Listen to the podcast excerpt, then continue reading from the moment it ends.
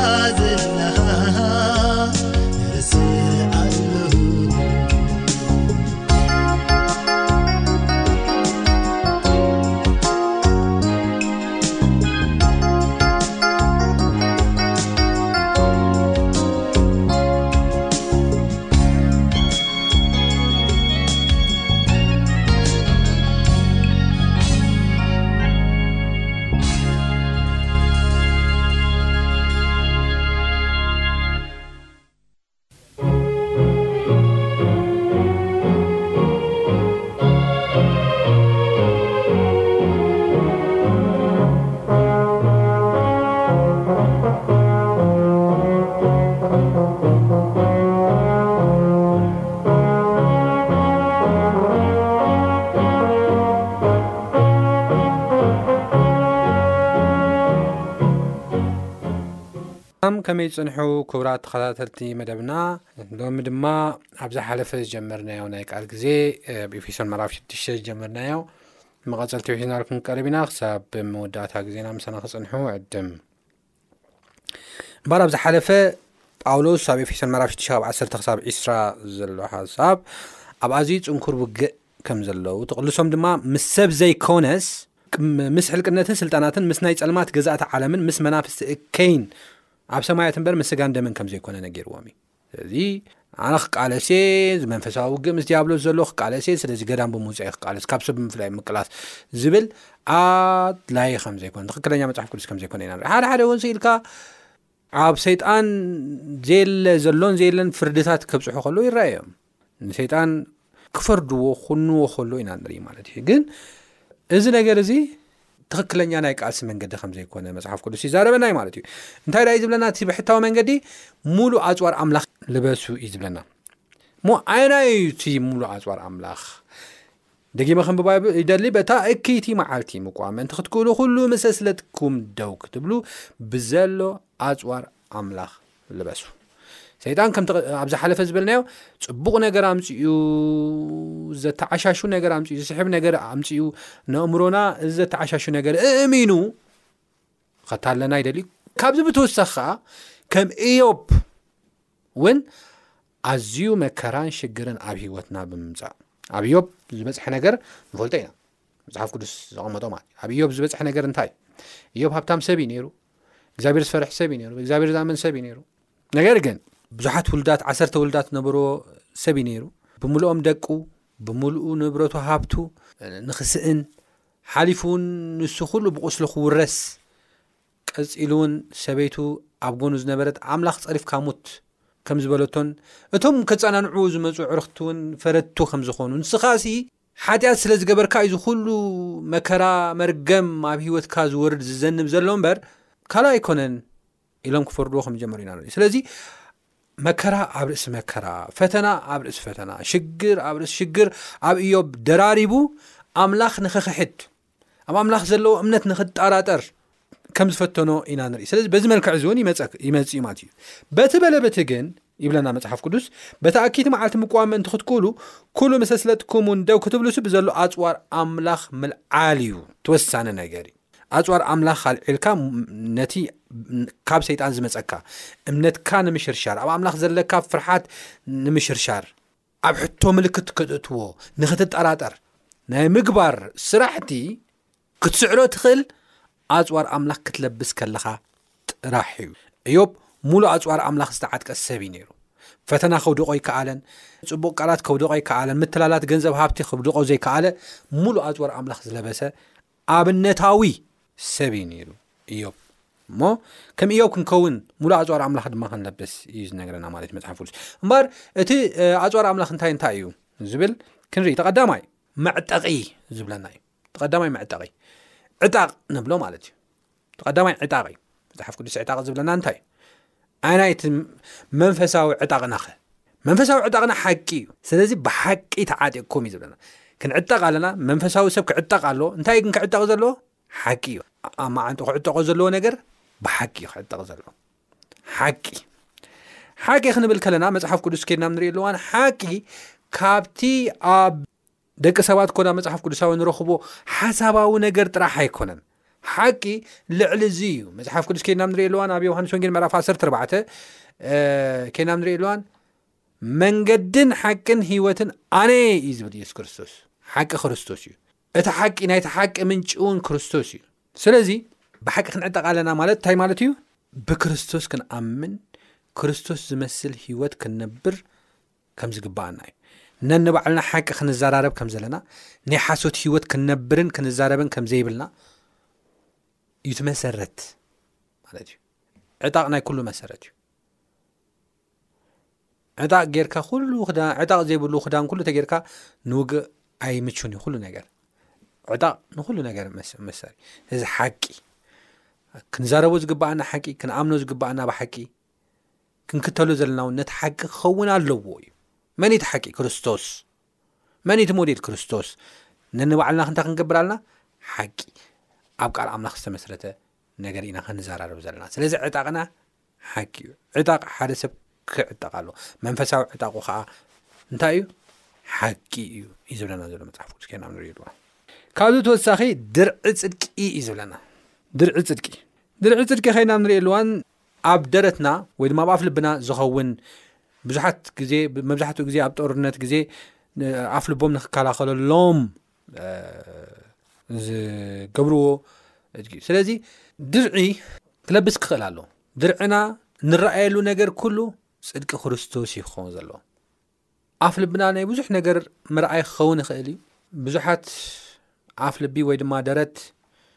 ኣወዳቶ ኮይኖም ዝምክሕሉ ክኸውን ይኽእል እዩ ካብዚ ተወሳኺ ኣብ ደረትና ኣብ ኣፍ ልብና ድማ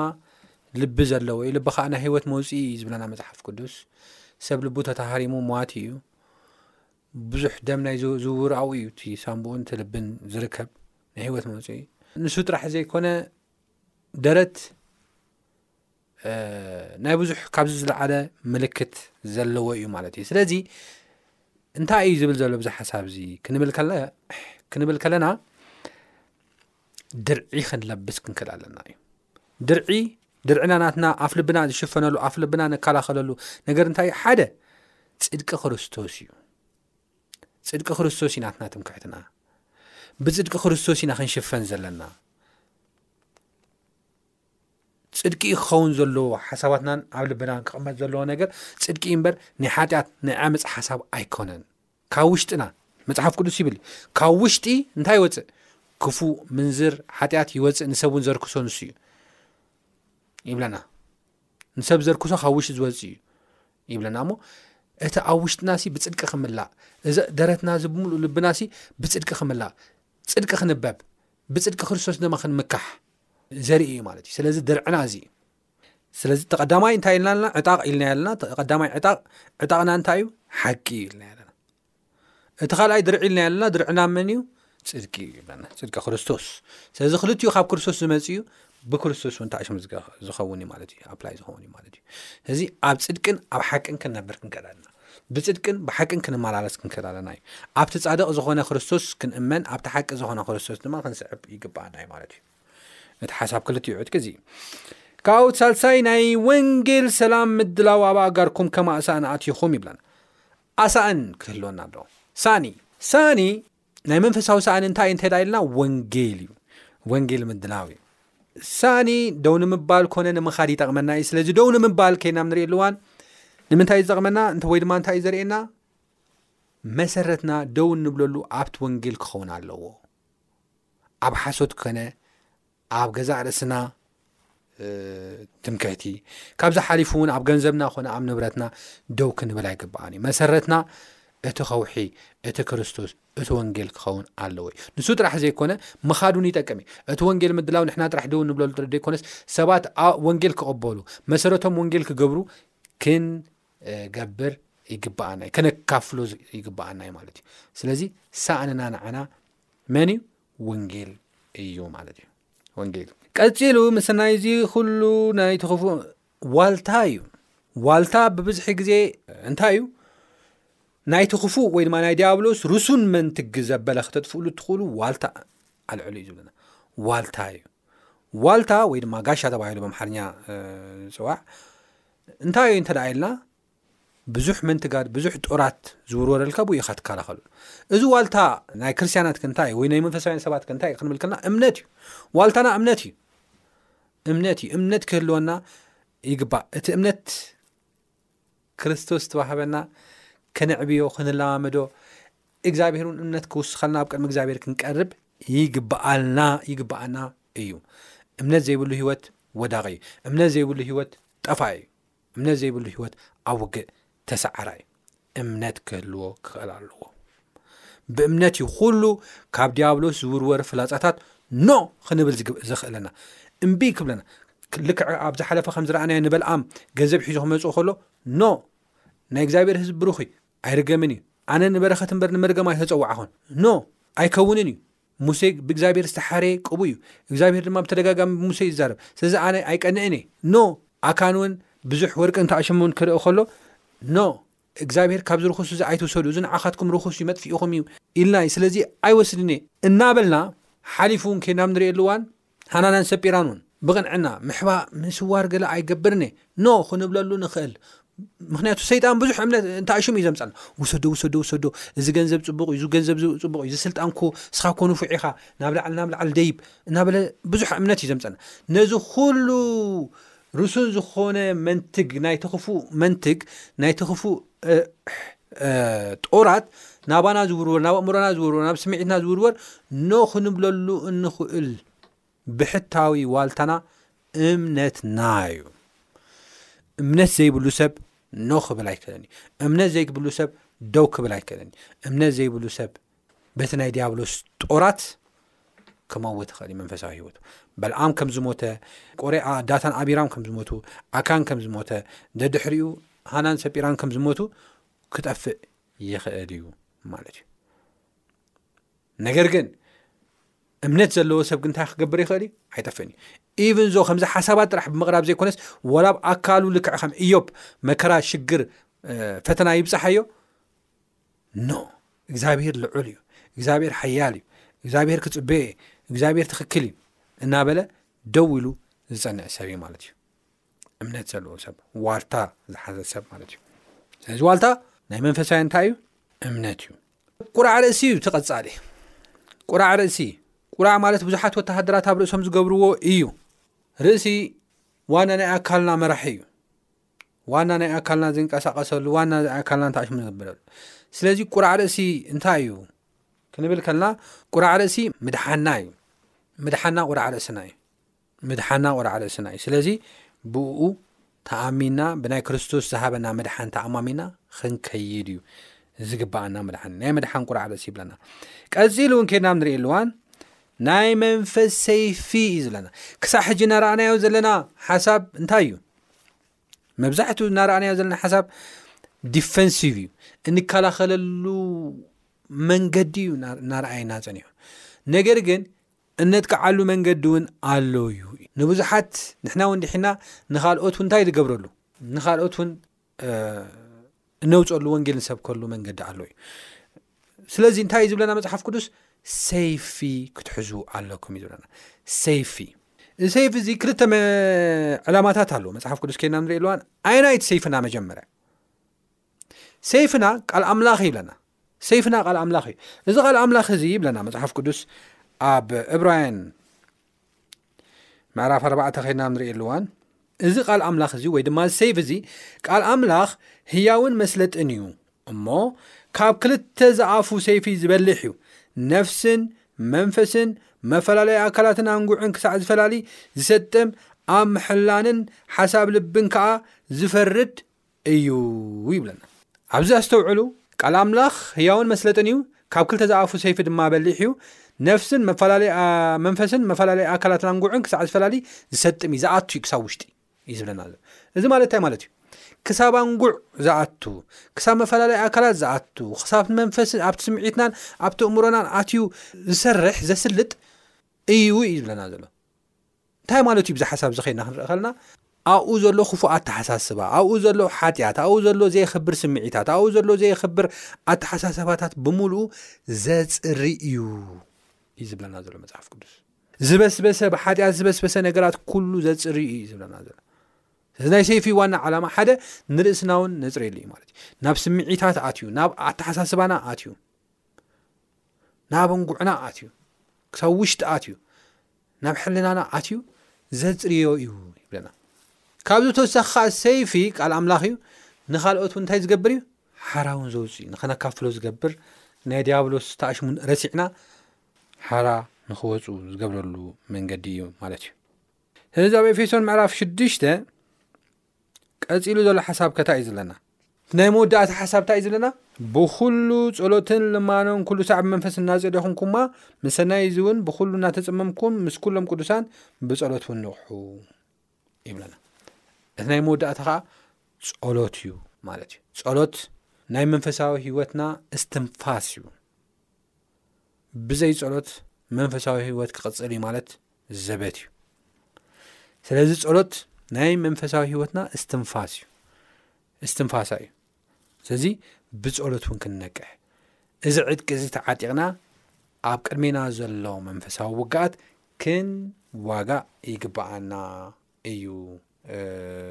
ዝብለና ዘሎ ጳውሎስ ኣብዚ ሓሳብ እዚ ማለት እዩ እሞ በዚ መልክዕ እዚ እናተዋጋእና መንፈሳዊ ውገና እናተዋጋእና ክንዳሎ ክንመላለስ ንኣምላኽ ኣብ ሂወትና ክነኸብር ይግባእ እዚ ክንገብር ድማ እግዚኣብሔር ፀጉ የብዝሓልና ጎይታ ይባረኩም